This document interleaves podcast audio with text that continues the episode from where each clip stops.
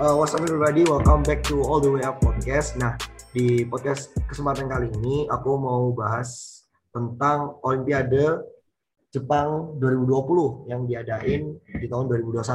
Nah, sebenarnya Olimpiadanya itu diadain tahun lalu, cuma karena uh, adanya pandemi COVID-19 ini baru bisa dijalankan di tahun 2021 ini. Nah, uh, pada kesempatan kali ini aku nggak bakal sendiri untuk ngebahas tentang uh, Olimpiade cabur bola basket. Nah, aku membawakan seorang tamu di sini. Mungkin bisa dipersilakan untuk memperkenalkan diri. Halo semuanya para pendengar podcast All The Way Up. Saya bintang tamunya. Eh, nama saya Guzan. Biasa dipanggil Guzan. Uh, di sini saya diundang, diinvitasi lah sama Mas Dava Akbar ini untuk uh, sharing atau berbagi pendapat atau pandangan opini mengenai uh, cabur basketball di Tokyo Olympics 2020. Oke, nah sebelum ya, seperti itu. Oke, terima kasih ya Mas Ojan untuk udah mau diundang Anjay. Nah, uh, ini rencana kita bakal ngerekap ini ya, ngerekap pertandingan kemarin yang di tanggal 25.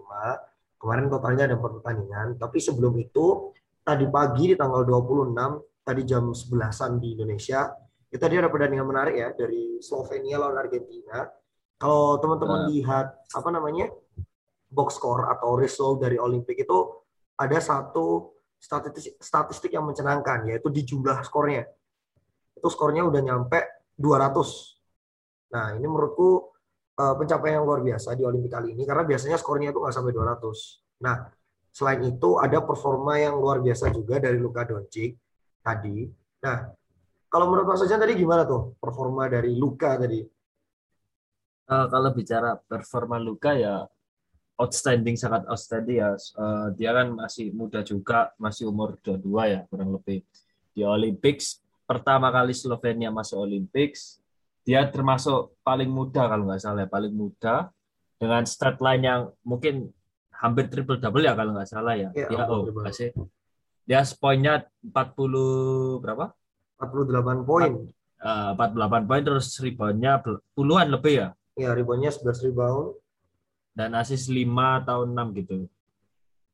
Kalau nggak salah. Ya, itu kan uh, stat line yang menurutku pribadi di Olimpik itu cukup susah. Uh, kalau di NBA kan wajar soalnya waktu itu 12 menit, terus waktu bersih. Ya, mungkin perbedaan 2 menit setiap quarter itu sangat signifikan gitu loh. Kalau uh, misal di NBA 2 menit tambahan pun uh, itu bisa mengubah outcome of the game. Nah, di Olympics ini yang hanya 10 menit per quarter dan set line seperti itu, menurutku ya memang prodigy ini. Ini salah satu golden player of uh, the decade ini. Emang emang bener sih. Uh, tadi aku nemu di Twitter ya, uh, salah satu account namanya Stat News itu dia kayak nge-combine statistik itu kan. Jadi di uh, debut pertamanya Luka Doncic di pertandingan ini itu tuh dia uh, mencetak angka lebih banyak daripada KD, Damian Lillard, Zach Levine sama Jrue Holiday kemarin digabung. Luka Doncic nge-skor 48, sedangkan empat pemain tadi itu nge-skor 47. Woy. Itu empat pemainnya itu kan bukan kaliber yang kaleng-kaleng kan. Itu ada Kevin Durant, Damian Itu Lillard. kaliber top itu top pemain bro ya kan one of the best yang ada di NBA kan ya kan ada yang habis juara juga ada yang habis juara juga finals itu finals kan? dari Jrue Holiday ya itu mungkin nanti untuk oh, iya. detailnya iya. bakal kita bahas cuma mau ngebahas sedikit tentang tim ah sorry ngebahas sedikit tentang tim Slovenia sendiri sebenarnya tim Slovenia sendiri ini tidak diperkuat oleh salah satu pemain terbaiknya yaitu di Goran Dragic cuma ada adiknya uh, Dragic Z Dragic itu main juga Uh, cuma produktivitasnya itu nggak sekenceng kakaknya yaitu Goran. Terus uh, di Slovenia sendiri itu cuma ada dua pemain NBA yaitu di Luka Doncic dari Dallas Mavericks sama dari uh, Kankar kalau nggak salah Denver Nuggets. Nah, sedangkan ya, dia lawannya itu lawannya itu salah satu sebenarnya tim yang difavoritkan untuk ini sih untuk mendominasi juga di Argentina karena kan betul, squad, betul. squadnya squad veteran ada Luis Scola, uh, Facundo Campazzo, terus juga ada ada Deck, Gerdek kalau nggak salah dulu pemainnya Ya, Gabriel Deck. Gabriel Deck. Terus ada juga itu Elvil Doza, itu juga bagus. Kalau nggak salah itu dia main di Barcelona. Jadi sebenarnya performa dari Luka Doncic itu me, uh, apa ya istilahnya itu melawan tim yang oke okay juga ya Jen sebenarnya. Ya lebih dari oke. Okay. Uh, menurutku ya tim yang cukup kuat ya soalnya kan waktu FIBA World Cup kemarin dia final kalah sama Spanyol juga kan dan mungkin kalau dilihat skuadnya kalau menurut kayaknya sih kurang lebih sama jadi seharusnya mereka sudah dapat chemistry ditambahi juga ada pemain-pemain veteran seperti yang sudah disebutkan tadi jadi ya cukup mencengangkan ini Slovenia Iya betul betul. Salah satu kejutan juga sih. Sebenarnya di mereka lolos ke Olimpik aja menurutku juga sebuah kejutan ya. karena kemarin di iya. final waktu kualifikasi kan ketemu Lituania yang sebenarnya yes. dari size itu Lituania sangat overwhelming ya ada Domantas Sabonis sama Jonas Valanciunas. Cuma ternyata bisa single handedly menurutku di carry sama Luka Doncic. Itu keren sih. Ini bahas sedikit lagi Jan tentang pertandingan ini ya. Okay. Menurutmu pendapatmu tentang Luis Scola gimana nih? Uh, kalau lihat Luis Scola sih mungkin ya menurutku sendiri uh, sudah memasuki eh, masa-masa uh, decline ya kalau di uh, apa siklus produk kan ada yang namanya siklus decline setelah mencapai puncaknya beberapa, beberapa tahun yang lalu uh, ya tetap masih tangguh sih tapi kalau menurutku sudah mungkin menjelang masa-masa uh, pensiun ini soalnya kan juga very old ya, umur 41 masih main di Olimpik sama kayak Pau Gasol ini ya. Betul betul betul.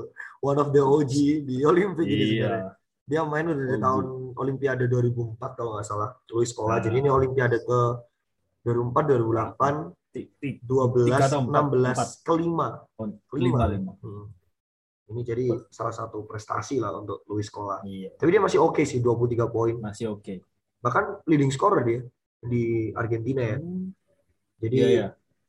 Uh, nanti kita bisa tahu nanti gimana perkembangan dari tim Slovenia ini di grup C. Kita tahu kan juga Olimpiade ini kompetisinya sangat seru juga kan. Okay. Karena isinya pemain-pemain terbaik yang ada di dunia juga. Uh, yes. Mungkin kita lanjut ke segmen berikutnya Mas Ojat. Kita bahas tentang okay. pertandingan kemarin. Yes. Uh, sebelum kita bahas, mungkin aku bisa bikin openingnya dulu. Pertandingan pertama yang bakal kita review adalah uh, Iran melawan Republik Ceko yaitu pertandingan opener di grup A yang dimenangkan dengan skor 84 melawan 78 yang dimenangkan oleh Republik Ceko. Nah, buat teman-teman yang nggak tahu, sebenarnya dua tim ini tuh merupakan salah satu tim yang underrated di Olimpik ini. Kenapa seperti itu? Karena Republik Ceko untuk masuk kualifikasi aja sebenarnya diragukan.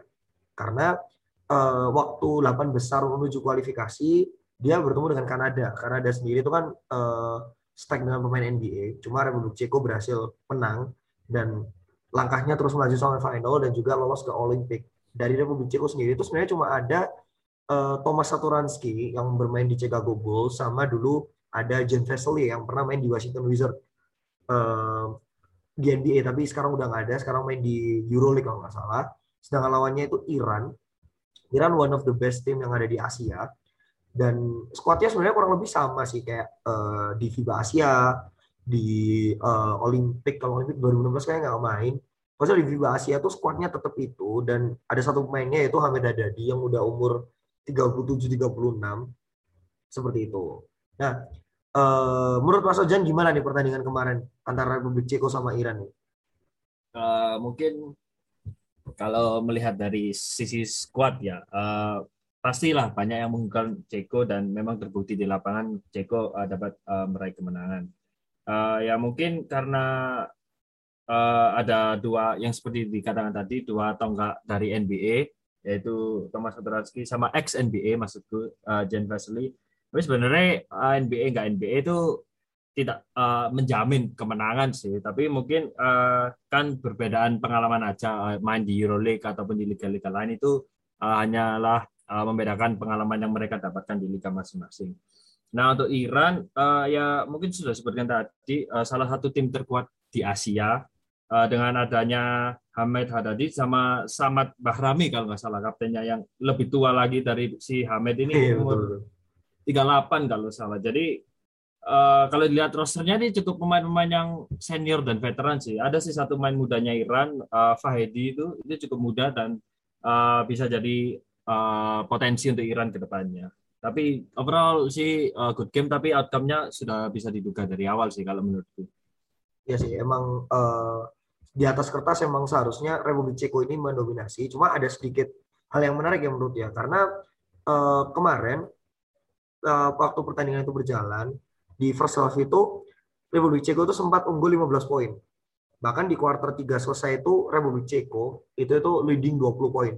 Jadi memasuki kuarter 4 uh, Iran itu ketinggalan 20 poin. Nah, ketika kuarter 4 Iran itu melakukan 21 melawan 7 run. Maksudnya uh, Iran itu berhasil outscore Republik Ceko 21 melawan 7 dan juga mem hampir memotong uh, keunggulan mereka di 20 poin itu dan hampir menang sebenarnya. Jadi itu sebenarnya yang benar kata Mas Ojan tadi yang membuktikan bahwa pemain NBA itu sebenarnya bukan jaminan ketika kita membicarakan kompetisi internasional kan. Yaitu dibuktikan di pertandingan ini karena uh, kalah 20 poin memasuki kuarter 4 dan hanya kalah uh, berapa tadi? 6 84 78 6 6 6, 6 poin itu menurutku sangat impresif. Nah, membicarakan tentang performa dari pemain Iran sendiri itu malah bukan Hamid Hadadi yang menjadi top performance ya menurutku. Yang menjadi top performance itu malah Behnam Yahkali. Lanjut, namanya Yahkali. Dia berhasil mencetak 23 poin dan field goal-nya menurutku juga, juga cukup tinggi yaitu 9 per 16 dan 2 per 4 dari uh, tembakan tiga angka. Dan juga uh, Behnam Yakal ini sebenarnya salah satu pemain yang main kalau nggak salah itu di Liga Jerman. Dan itu membuktikan bahwa sebenarnya pemain di level internasional sendiri itu juga masih bisa berbicara banyak. Walaupun melawan eh, pemain-pemain yang ada isinya pemain NBA. Nah, sedangkan di Republik Ceko sendiri itu Thomas Saturanski malah justru jadi orang yang struggle. Dia hanya mencetak 6 poin dan menembak 2 per 14. Nah, jadi ya apa yang dikatakan Mas Ojan tadi benar bahwa pemain NBA itu kayaknya di kayaknya ya Jan ya di hmm. kompetisi internasional ini bukan menjadi suatu ini ya suatu hal yang memberikan kemenangan yang pasti gitu ya. Ya betul betul. Nah itu uh, ada lagi yang mau diomongin Jan tentang pertandingan ini? Ya mungkin sudah cukup sih. Ya, juga dari Ceko ya benar uh, satu ransi satu ransi ini tidak terlalu nyala, yang nyala malah si Black Slip ini, Slip ya namanya itu sih. Dia malah uh, man of the match for Ceko dengan efisiensi plus 19. Jadi ya kembali lagi ke tadi bahwa pemain NBA itu tidak kalau sudah dalam ajang kompetisi antar negara atau internasional itu tidak selalu membuktikan kalau pemain NBA pasti yang lebih unggul. Karena ada eh, faktor-faktor uh, lain yang pasti uh, mempengaruhi performa player-player uh, yang ada. Ya betul. Terus juga juga mungkin ada faktor lain ya karena kan aturan dari NBA dan juga aturan dari FIBA itu kan kayak two completely different things kan dimulai dari yes, yes. Uh, apa namanya dimulai dari waktu pertandingan terus panjang apa panjang garis three pointnya jadi mungkin hmm. itu yang membuat kompetisi ini lebih terbuka untuk pemain non NBA-nya uh, eh, jadi dari hasil pertandingan pertama itu membuat Republik Ceko mengantongi satu kemenangan ya di grup A di grup A sendiri juga merupakan grup yang menurutku cukup susah ya karena diisi dengan uh, eh sorry Australia, Republik Ceko, USA. Iran, Amerika Serikat sama Prancis. Right. Oke, yes. kita lanjut ke pertandingan kedua di hari pertama, yaitu pertandingan pertama untuk grup B, yaitu menurutku dua tim yang kuat ya, karena dua-duanya pernah mengalahkan Amerika Serikat di pertandingan SFBC kemarin, yaitu Nigeria melawan Australia. Yoi. Nah, Yoi. Sebelum, sebelum bahas lebih lanjut, bakal brief dulu dikit sebenarnya Australia ini merupakan salah satu tim kandidat juara juga karena dari performa mereka di FIBA World Cup kemarin itu mereka benar-benar impresif. Tapi untuk di gelaran Olimpik ini mereka udah nggak diperkuat center mereka yaitu di Andrew Bogut yang kayaknya udah pensiun ya kalau kalau nggak dibawa Sudah karena tua lah. karena tua. Uh, dan juga di Australia sendiri itu memiliki banyak talent yang berisi dari NBA mulai dari Joe Ingles uh, salah satu kandidat Six Man of the Year Patty Mills Matisse Taibul terus uh, Aaron Baines, dan The Exum sama uh, si Josh Green. Di Nigeria sendiri ini menurutku yang sangat mengejutkan karena ternyata talent NBA mereka juga cukup banyak. Karena ada Josh Okogi dari Timberwolves, terus ada Precious Achiwa, ada siapa namanya? Dave Vincent, terus ada Oni dari Utah Jazz, terus ada Jordan Nora, Chris Met, uh, Chizie, Metu ya, Chizie Metu itu terus ada Jahlil Jahlil Olafor sama KZ Okpala. Yes. Terus juga ada pemain NBA juga di Ekpe Yudo. Itu yang menurutku salah satu veteran. Nah, pertandingan ini dimenangkan oleh Australia dengan skor 84-67. Sebenarnya dua tim ini pernah ketemu ini di pertandingan eksebisi dan berhasil dimenangkan Australia. Nah, eh, tapi pada pertandingan itu tuh aku nonton live waktu pertandingannya dan juga aku nonton juga yang waktu Olimpik ini. Perbedaannya adalah yang waktu eksebisi itu starter minute-nya Nigeria itu eh, banyak dipakai untuk bench player mereka. Nah, selain Hmm. itu di pertandingan yang sekarang itu eh, Jordan Nora itu ikut. Kalau yang kemarin kan Jordan Nora mungkin masih bermain di NBA Finals ya, walaupun dia nggak main, tapi kan dia bagian dari Milwaukee Bucks, jadi baru Iya, join betul. ketika Olimpik. Dan juga eh, apa namanya Nigeria ini juga dipelatih oleh salah satu pelatih kawakan juga mantan coach of the year di Oh, tahun iya, 2008 di Mike Brown. Nah, eh, menurut Mas Ojan gimana ini pertandingan kemarin itu antara Nigeria sama Australia? Kalau antara Nigeria Australia eh, cukup seru sih. Eh, dilihat dari masing-masing squad memiliki player-player yang cukup ternama di NBA maupun eh, di luar NBA. Eh, tapi yang lebih eh, lebih menonjol ya tentunya si Patty Mills ini kalau dilihat di stat line-nya dia men- eh, mencetak 25 poin, 4 rebound, 6 assist dan 4 steal. Jadi kelihatan dari segi offense dan defense-nya Patty Mills ini efisien sekali ya. Bukan efisien sih. eh, active on defense and offense. Iya Kalau betul. dari Nigeria mungkin eh, yang eh, kemarin kelihatan sih si Josh Okogie ini. Itu eh, berikan presence yang kuat sih untuk squad Nigeria. Betul betul. Terus juga ada sedikit hal yang menarik ya dari Nigeria sendiri itu kalau kita lihat di box score kalau aku lihat itu nggak ada pemain yang lebih eh, sorry nggak ada pemain yang mainnya lebih dari 30 menit. Eh, pemain yang paling banyak main itu Gabe Vincent main 25 menit dan tapi lainnya tuh rata sekitar 22, 17, 23 menit gitu loh. Sedangkan di Australia sendiri itu eh, one of the apa ya pemain veterannya Patty Mills tuh main 35 menit dan juga Joe Ingles. Nah, kita uh, aku mau bicarain dikit tentang scoring run-nya. Kalau kita lihat per quarter, sebenarnya itu Nigeria itu nimbangin. Karena mereka memasuki quarter 4, mereka itu cuma kalah 6 poin. Tetapi yang menarik adalah scoring run Australia di quarter 4, yang di mana di quarter 4 aja mereka leading 11 poin. Jadi itu yang membuat uh, Nigeria nggak apa ya nggak ada kesempatan untuk menang. Tapi menurut Mas Ojan ini dengan risingnya Nigeria itu gimana tuh? Saya kemarin kan sempat juga ngalahin Amerika Serikat kan. Nah itu menurutmu kayak gimana? Nah, eh, untuk Nigeria ini eh, menurutku sangat-sangat potensi. Soalnya kalau dilihat tak lihat juga eh, kebanyakan dia itu pemainnya muda-muda, maksudnya muda yang enggak yang 30-an. Jadi 30 ke bawah itu kan eh, termasuk usia-usia produktif dan memungkinkan lagi untuk mengikuti ajang-ajang turnamen Olympics ataupun FIBA World Cup. Jadi merupakan sebuah threat sih untuk semua negara pebasket, untuk semua tim basket negara, Ya, untuk Iya, semua betul betul. basket negara lah. Itu Nigeria menjadi sebuah threat. Iya sih. Terus terlebih lagi kalau melihat dari skor pemain Nigeria sendiri, walaupun banyak pemain NBA, cuma uh, leading scorernya itu malah si Emegano.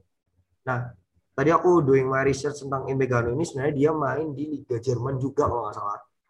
Jadi ya sebenarnya pemain-pemain Nigeria ini banyak bermain di liga-liga yang level kompetisinya juga bagus gitu. Selain ada Emegano betul. ini juga ada Caleb Agada. Dulu pernah main di Fenerbahce juga. Eh, ia juga main di Euroleague. Itu kemarin yang waktu melawan Amerika Serikat yang mainnya bagus, yaitu Caleb Agada kan.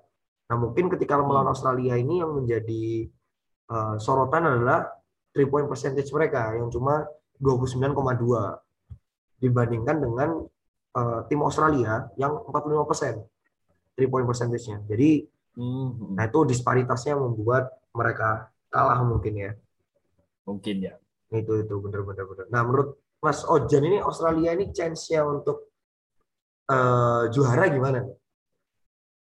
Kalau chance semua tim menurut saya punya chance untuk juara. Ya fair chance semua ya. kalau kalau Australia tapi mungkin eh, kalau menurutku eh, termasuk top tier lah untuk eh, bisa menjuarai eh, Olympics ini. Tapi nanti kan juga kita lihat eh, bahkan nanti quarter finalnya semisal mereka lolos nanti eh, silangannya atau poolnya itu gimana kan uh, kan soalnya juga kadang itu match up juga pengaruh antar match up antar negara kayak misal tim A ini lebih unggul melawan tim B karena beberapa faktor. Nah itu kita harus lihat juga match mereka nanti di babak uh, di babak knockout atau quarter finals.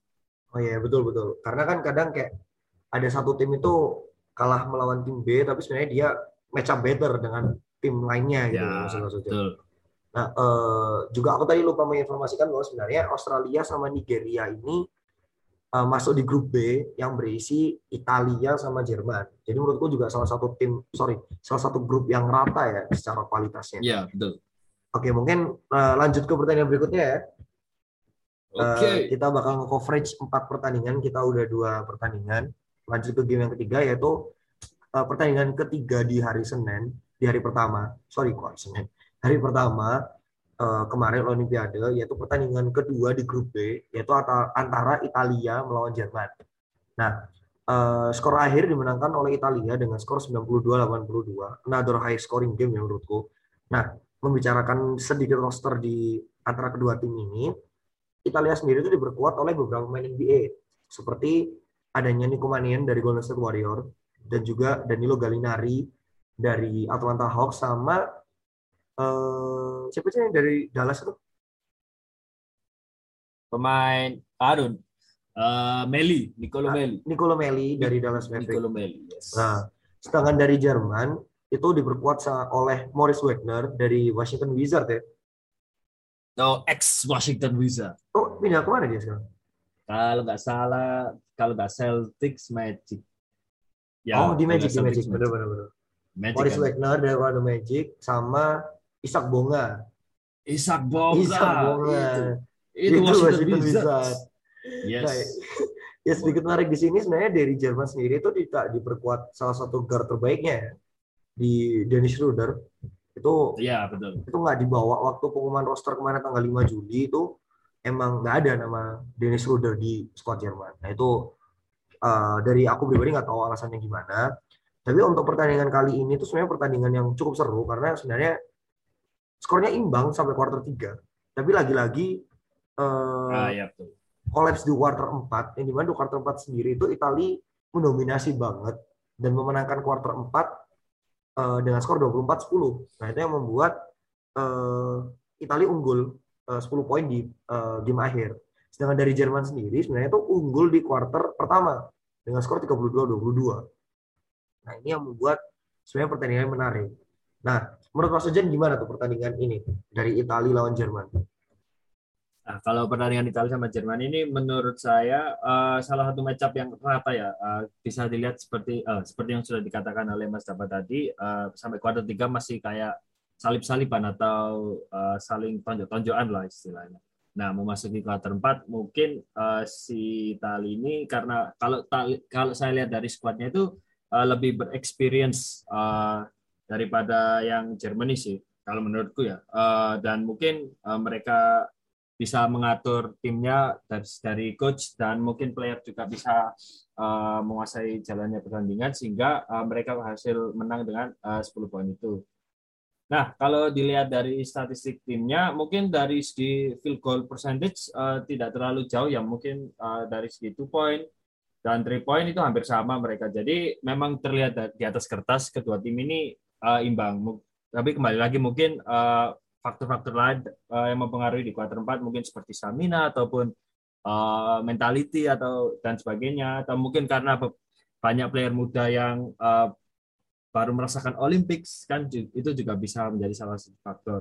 Uh, dan kalau dilihat di segi Jerman uh, yang bersinar bukan Simo Wagner ataupun Sabonga tapi ini ada player yang bernama mau dulu. Nah, dia mencetak 24 poin, 4 rebound dan 4 assist ini cukup solid ya supply-nya. Jadi uh, cukup uh, pertandingan cukup seru sih. Iya betul sih kalau emang dilihat dari ini ya dari statistik tim emang sebenarnya Italia sama Jerman ini menurutku even ya karena imbang lah istilahnya. Cuma menurutku yes. di kuarter keempat emang ini faktor momentum menurutku karena Italia berhasil mencuri momentum di kuarter 4. Jadi itu yang membuat mereka menang jauh Nah, selain itu membicarakan dikit tentang mau dulu, 24 eh, angka ini juga dihasilkan dari efisiensi yang cukup baik menurutku karena dia field goal-nya itu 75 persen di posisi guard itu menurutku wow banget sih. Ya kan dengan di posisi Iya, wow guard ya. lah. 9 per 12 dan 6 per 9 eh, dari tembakan tiga angka, sekitar 67 persen dari Jerman. Sedangkan membicarakan dikit dari Itali, dari Itali sendiri sebenarnya ada dua pemain yang menurutku bermain cukup bagus. Eh, salah satunya adalah Danilo Gallinari, itu second leading scorer di Itali, mencetak 18 poin yang dihasilkan dari 6 per 9 field goal-nya dan 2 per 2 dari tembakan tiga angka.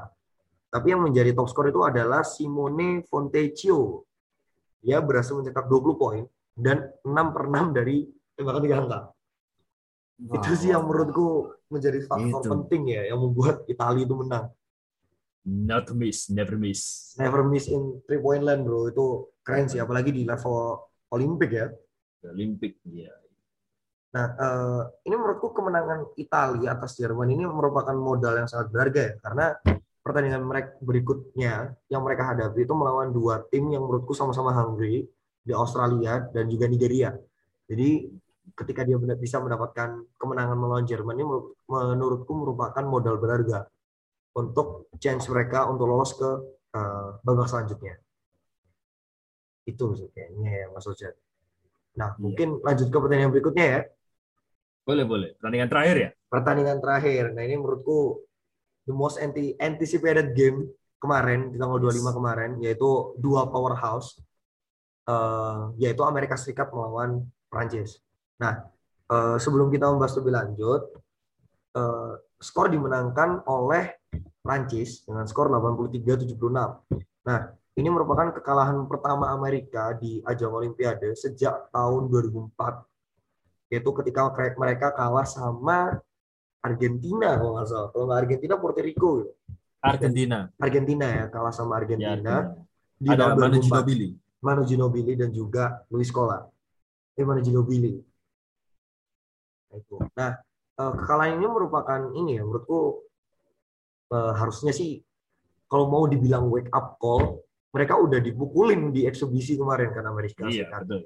Jadi menurutku ini bisa dibilang kekecewaan lah untuk fans Amerika Serikat karena tidak bisa memberikan menurutku performa yang terbaik ya di Hmm.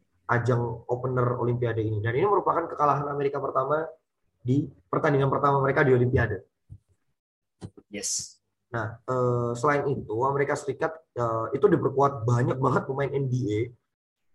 Jadi ya, Semua semua pemain. pemain NBA ya kan dan juga bukan pemain-pemain kaleng-kaleng menurutku. Cuma emang Wah, yang mereka kurangkan itu adalah menurutku veteran ya.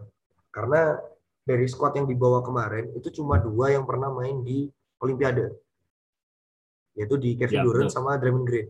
Lainnya adalah first timer untuk di Olimpiade. Nah, sedangkan dari sisi Prancis sendiri, mereka menurutku memiliki tim yang cukup solid karena mereka pemain yang emang udah lama main bareng, entah di gelaran FIBA World Cup, di Euro Basket, atau di Olimpiade tahun 2016. Mulai ada Nando De Colo, Rudy Gobert, Under the Colo. Evan Fournier, terus eh, siapa namanya?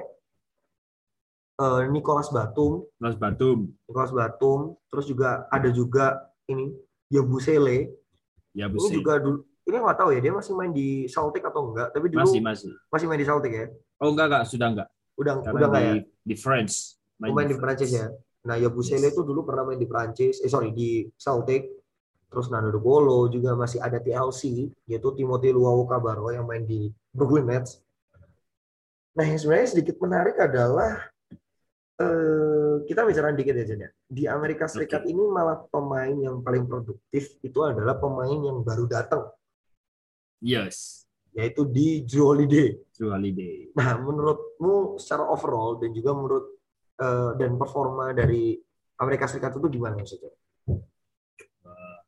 Ya, sebelum saya masuk itu saya disclaimer karena saya fans Washington Wizards ya. Jadi sayang sekali Bradley Beal tidak bisa membela USA sekali. Betul betul saya. COVID. Aduh, COVID Aduh, itu perlu disayang, perlu disayangkan. Tapi tidak apa-apa, ini it is. Dunia itu tetap berotasi, berputar. Dan USA mendapatkan ganti yang cukup asik sih pemainnya, pemain muda yang eh, semoga ke depannya bisa membela USA lebih banyak lagi di ajang internasional, yaitu si Keldon Johnson. Yaitu waktu eksibisi mainnya bagus sekali sih menurutku untuk seorang anak kok anak. Uh, seorang remaja, yang masih berusia 21 ya, seumuran aku. Sudah bermain Olympics basketball ya kan? Keren. Nah untuk membahas sih overall ya ini cukup cukup uh, mengejutkan juga sih yang menjadi yang menjadi wake up. Oh, bukan wake up yang menapuk atau membangunkan tim atau menggendong lah istilahnya adalah seorang Drew Holiday yang baru datang dan sepertinya dia tidak terasa jet lag ya. Tapi uh, performanya bagus sekali. Jadi kayak uh, man of steel itu. Datang-datang wis jadi pahlawan. Meskipun harus pulang dengan uh, kekalahan pulang harus kembali ke mes dengan kekalahan ya. Nah, uh, squad USA sih mungkin yang paling didebatkan di kalau saya pada di sosial media itu adalah yang satu ya benar kata Mas Dava tadi ya kurangnya veteran. Yang kedua adalah mungkin uh, kurangnya big man ya itu juga kembali ke keputusan coach sih. Saya kurang tahu juga uh, mengapa big man-nya yang dibawa cuman uh, si Bam Adebayo. Ya kalau dihitung Green Green bukan big man sih tapi seperti big man ya mainnya. Uh, ya mungkin itu yang dijadikan pertanyaan oleh warga-warga penikmat basketball. Kenapa ya NBA oh NBA USA membawa hanya satu center? Uh, tapi itu uh, juga kembali lagi keputusan coach sih nah untuk performa kemarin awal awal-awal itu cukup sengit ya masih uh, bisa ngimbangi maksudnya selisih poin cuma tiga, cuma empat. Ah, di kuarter empat uh, itu kan USA sempat uh, mengambil skor lagi, leading lagi. Nah, uh, hingga kalau nggak salah menit-menit tujuh atau enam akhir mulai uh, si Prancis ini mulai ada set play dari baseline, sideline dua kali nggak salah di tempat yang sama. Uh, satu corner three, satunya si Fournier uh, nginjek garis two point. Nah itu uh, kalau menurutku waktu-waktu itu uh, merupakan kayak uh, turn off point uh, pertandingan itu sih. Terus ada lagi three point-nya Batum dia uh, menjelang akhir kalau nggak salah. Wah itu benar-benar terpukul. Dan apalagi uh, play USA terakhir yang Demi Lillard terpleset wah, dan terkena technical atau unsportsmanlike unsportsmanlike. Nah itu uh, cukup disayangkan sih. Dan mungkin salah salah satu uh, faktor lagi adalah banyaknya open shot di menit terakhir yang tidak masuk.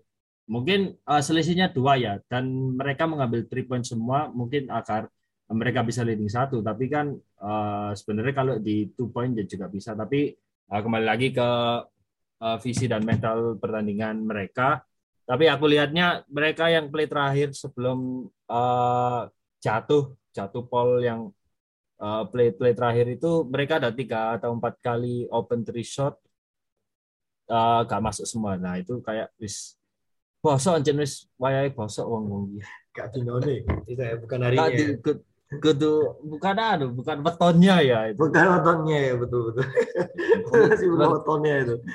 Seperti itu dari saya mungkin. Iya sih, tapi memang benar sih. Uh, dilihat dari presentasi three point mereka sih, uh, secara tim ya, secara kolektif itu di bawah rata-rata tim NBA sih dengan 31,3 persen di three point. Hmm. Selain itu di field goal percentage mereka, menurutku tuh mereka harusnya bisa lebih baik di angka 36,2 itu menurutku cukup buruk dengan tim sekali USA ya.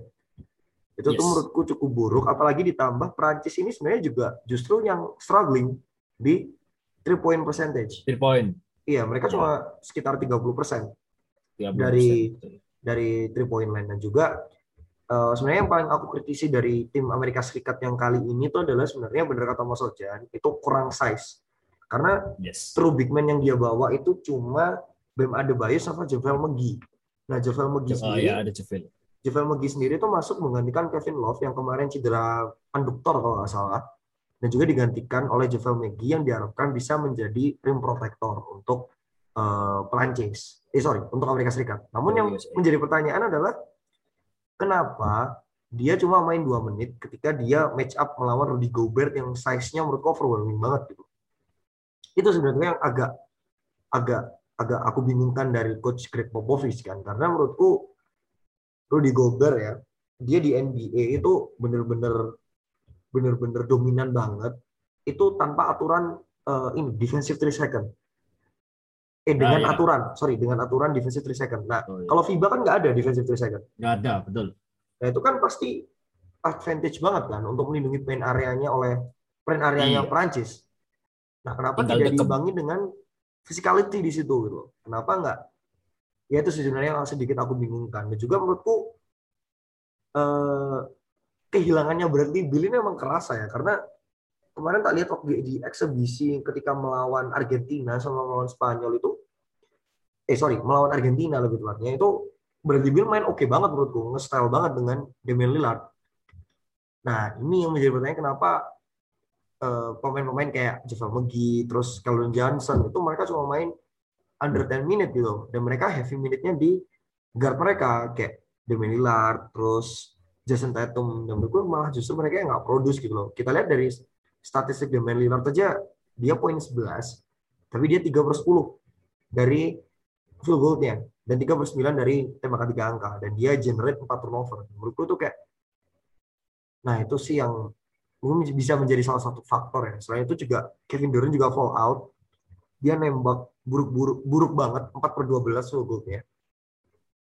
Itu sih yang menurutku eh, dari sisi Amerika Serikatnya yang menurutku kurang ya. Chris Middleton juga cuma main 5 menit. Devin Booker nembak 1 per 6.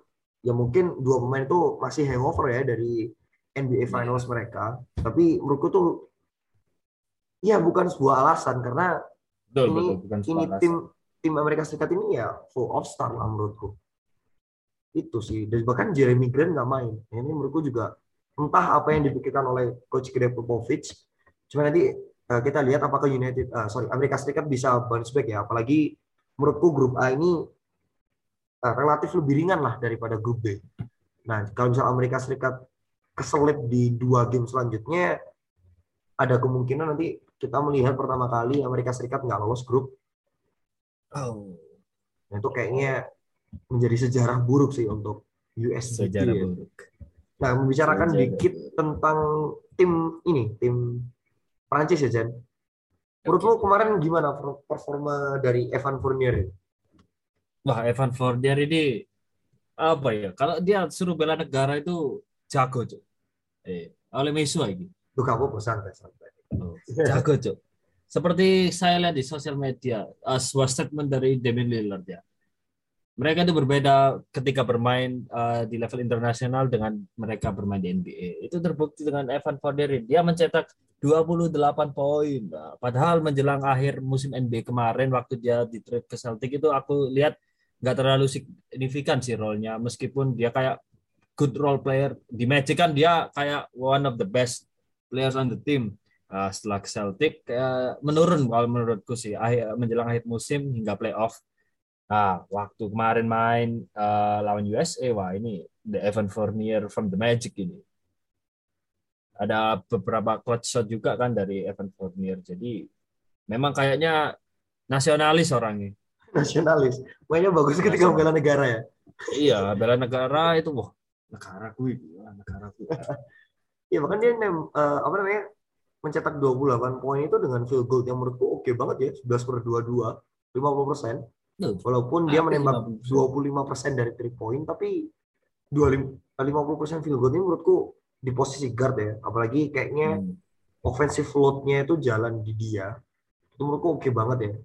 Itu juga aku lihat sebenarnya statistik Rudy Gobert juga nggak terlalu wow ya. Itu kayak dia poin 14, rebound-nya nggak terlalu mendominan juga. sembilan mungkin- bukan. 9 rebound, tapi menurutku presence dia ya bisa mengganggu Iya, mengganggu sangat ini mengganggu. Oh.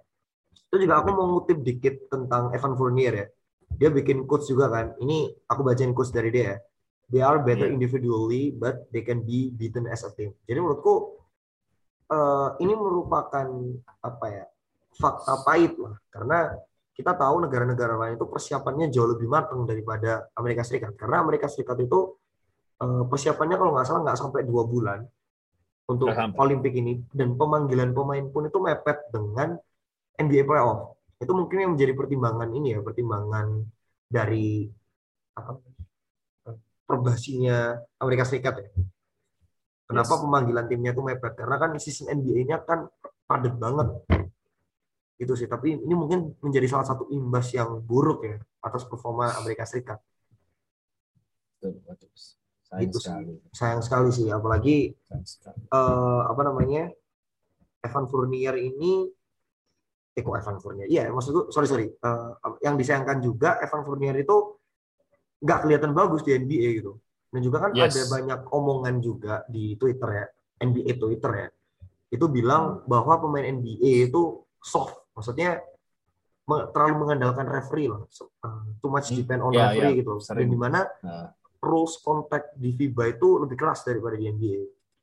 Nah ini harusnya Oh. menjadi wake up call ya buat tim Amerika Serikat Eh, untuk bermain sesuai dengan apa ya kualitas mereka lah. Apalagi juga kemarin di media day mereka beberapa pemain itu protes dengan sistem yang dibawa oleh Greg Popovich gitu. loh. Kayak mereka bilang kayak sistemnya nggak cocok ini dari coach Greg Popovich gitu gini gini gini gini gitu.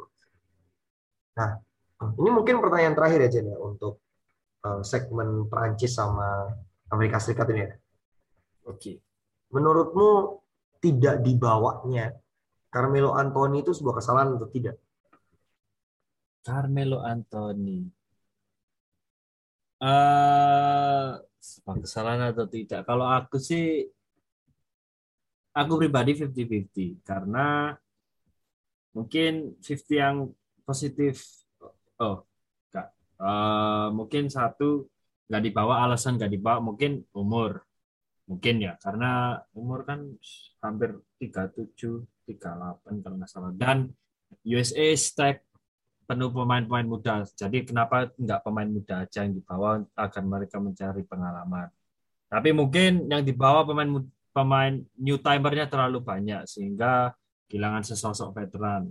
Itu mungkin eh, pertimbangan sih. Terus eh, kalau dari permainannya menjelang akhir musim dan di playoff itu ya nggak nggak yang buruk tapi ya nggak prime sih kan sudah nggak prime ya Carmelo. Tapi eh, bisa bisa men- mengeluarkan maksudnya bisa kelihatan masih kelihatan kalau si Carmelo Anthony masih seorang scorer gitu uh, waktu di akhir-akhir musim. Jadi sebenarnya gak dibawa juga sayang karena tim ini jelas terlihat membutuhkan seorang veteran yang bukan bernama Kevin Durant atau Draymond Green, tapi veteran yang lain lah ya.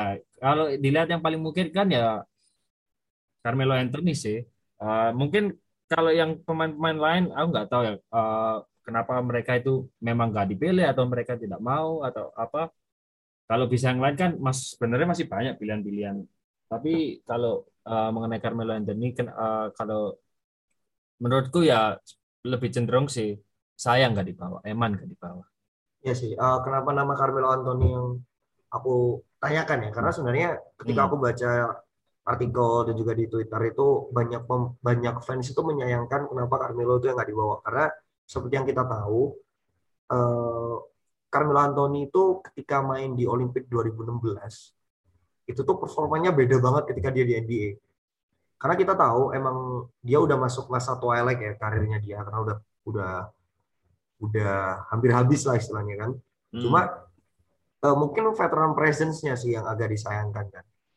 Itu sih yang menurutku ya aku sependapat sama kamu eh, apa namanya lebih ke leadership mungkin ya karena kan ya leadership dia bukan pemain yang apa ya beda kayak KD gitu. Kalau KD kan menurutku itu kayak ya kamu tinggal kasih bola dia, dia dia yang bakal Ah. skor gitu loh. Nah Carmelo Anthony itu ngopiok dia yang ngopiok. Nah Carmelo Anthony itu udah bukan pemain yang kayak gitu lagi. Mungkin dia dulu Hmm, seperti itu. Jadi mungkin lebih kerasanya mungkin off the bench ya. Maksudnya kayak sorry bukan off the bench, mungkin off court-nya lah, off court impact-nya Yes. lah. Nah, jadi eh, nge apa ya bahas dikit tentang apa yang kamu ngomongin tadi, masalah kayak banyak pemain. Itu emang beberapa pemain emang nggak mau sih, kayak misal kayak LeBron itu emang dia bilang nggak mau. Terus kayak AD dia juga nggak mau. Tapi aku pemain-pemain lainnya kayak Stephen Curry, terus juga masih ada nama-nama kayak siapa ya? Masih ada kayak Christian Wood, hmm, ya Christian Wood ada juga uh, Trae Young, even Iya. Isaiah Thomas. Itu aku nggak ngerti kenapa mereka nggak dibawa. Cuma ini pembahasannya agak melentang dikit ya, walaupun di akhir segmen, tapi nggak apa-apa. Jadi kemarin kan ketika Kevin Love sama Bradley Beal itu cedera, sebenarnya penggantinya Bradley, Bradley Beal udah jelas. Si Keldon Johnson itu udah jelas pasti diambil gitu sama Coach Greg Popovich karena eh, kemarin ketika eksebisi itu ada empat pemain kalau nggak empat atau lima pemain muda yang ikut dibawa, yaitu Darius Garland, terus Sadiq Bey, Keldon Johnson, sama satunya itu pemain Eropa. Sorry, pemain yang main di Liga Eropa. Aku nggak tahu siapa Josh itu. Maggett. Just McGett ya, itu aku nggak nggak ngerti itu siapa. Nah, dari empat pemain itu yang performanya ada juga yang bisa filling roles Bradley Beal. Sorry, filling roles-nya yang kurang dari tim US itu adalah Keldon Johnson. Nah, yang menjadi perdebatan adalah kenapa Kevin Love ini digantikan Javel McGee. Padahal eh, kalau misal dipikir-pikir atau ditimbang, itu lebih baik mengambil Christian Wood. Nah, Hmm, ada rumor, ada spekulasi. Aku denger di podcastnya Watch, siapa sih Adrian Wojnarowski. ya? Adrian Wojnarowski. Nah, itu bilang kenapa Javel yang dibawa karena dia orang pertama yang mengiyakan untuk berangkat ke Olimpiade. Oh, gercep. Kecep lah istilah, fast respon. Fast rest. Pentingnya Pas fast rest. iya, dia, dia fast respon. Dan sangat Christian Wood itu telat. Nah, tapi yang menjadi backlash adalah banyak pertanyaan, kenapa sih yang dibawa bukan Trey Young? Nah, menurutku lebih lucu lagi ketika Trey Young yang dibawa gitu. Karena kan kita lihat dari rosternya kan ini guard stack banget kan. Ada ada. Damian Lillard, Zach Levine, ada Drew Holiday, Devin Booker, Middleton. Ya, kenapa harus membawa guard lagi gitu loh. Sedangkan banyak fans yang menyayangkan kenapa Trey Young nggak dibawa gitu. Nah, menurutku yang sayang untuk tidak dibawa sebenarnya justru malah Carmelo Anthony gitu. Malah seharusnya kemarin kalau menurutku ya, menurutku pribadi harusnya pengganti Bradley Beal ya Carmelo Anthony sih harus. Selama dia emang mau ya. Iya. Gitu. Amerika Serikat ini kita panjang ya, karena menarik ya. Nah, dan banyak banyak Menarik. tweet, banyak player, jadi banyak obrolan. Banyak obrolan juga. Jujur sebenarnya agak mengecewakan ya di mereka kalah. Iya. Nah, mungkin itu ya. Mungkin ada lagi Mas Jan yang mau ditambahkan. Eh, itu sudah cukup ya, sudah cukup cukup men- menjelaskan, menggambarkan hasil dari Dewan Olimpik sih, cukup sudah Representatif ya. iya representatif. representatif. Nah, eh, sedikit membahas ini buat penutup. Ini ada update dari apa namanya dari eh, Olimpik kemarin. Ini hasilnya dari pertandingan setelah Slovenia melawan Argentina tadi adalah Jepang melawan Spanyol yang dimenangkan oleh Spanyol dengan skor 66-55 ya ini. Iya bener ya? Eh, sorry, 88-77. 77-88 yang dimenangkan oleh Spanyol yang di mana yang bermain apik ini adalah Ricky Rubio. Jadi selamat Rubio. untuk Spanyol ya yang bisa mengalahkan tuan rumah Jepang yang dipimpin oleh Rui Hachimura, pemain dari mana sih? Dari Wizard ya. Washington Wizards. Dari Mama. Wizard. Nah itu sedikit update. Nah eh, terima kasih ya Mas Ojan udah mau diajak ngobrol tentang ini Olimpik ya. Saya di- juga, saya juga terima kasih. Ya, terima kasih udah mau datang di podcast yang lagi pelan-pelan kita bangun ya. Semoga bisa mengalahkan overtime. Waduh, Nanti anu Bang, jangan lupa rotinya kirim ke rumah ya Bang. oh iya siap siap. Nanti roti-roti sama full house-nya nanti saya kirim. ya. Wah, Oke. Oke itu ya Ojan, terima kasih banyak udah mau diundang di Iya. podcast All the Way Up. Kasih. buat teman-teman, terima kasih juga yang udah mau mendengarkan ocehan kita tentang Olimpiade ini. Eh, stay tune untuk episode-episode berikutnya. Kalau mau ada kritik dan saran, itu silakan hubungi saya, hubungi Dava, karena all the way up saya belum sempat bikin media sosialnya. Tapi silakan hit me up at Twitter di Dava Alvin Akbar untuk kritik dan saran. Dan juga mungkin bisa ini juga ya, kritik atau follow juga di Mas Oguzan. Dia apa Mas media sosialmu Mas? Di Oguzan Umbat pakai Oguzan. Umbat. Nggak pakai underscore di at Oguzan Umbat. All, all platform ya. Eh iya deh. Oke di all platform Instagram, Facebook, Twitter. Ya eh, itu semua. Terima- sekali lagi terima kasih. Eh, stay safe di ppkm ya untuk teman-teman yang mendengarkan ini ketika ppkm. Jangan lupa cuci tangan. Thank you. Top. Terima kasih. Sini.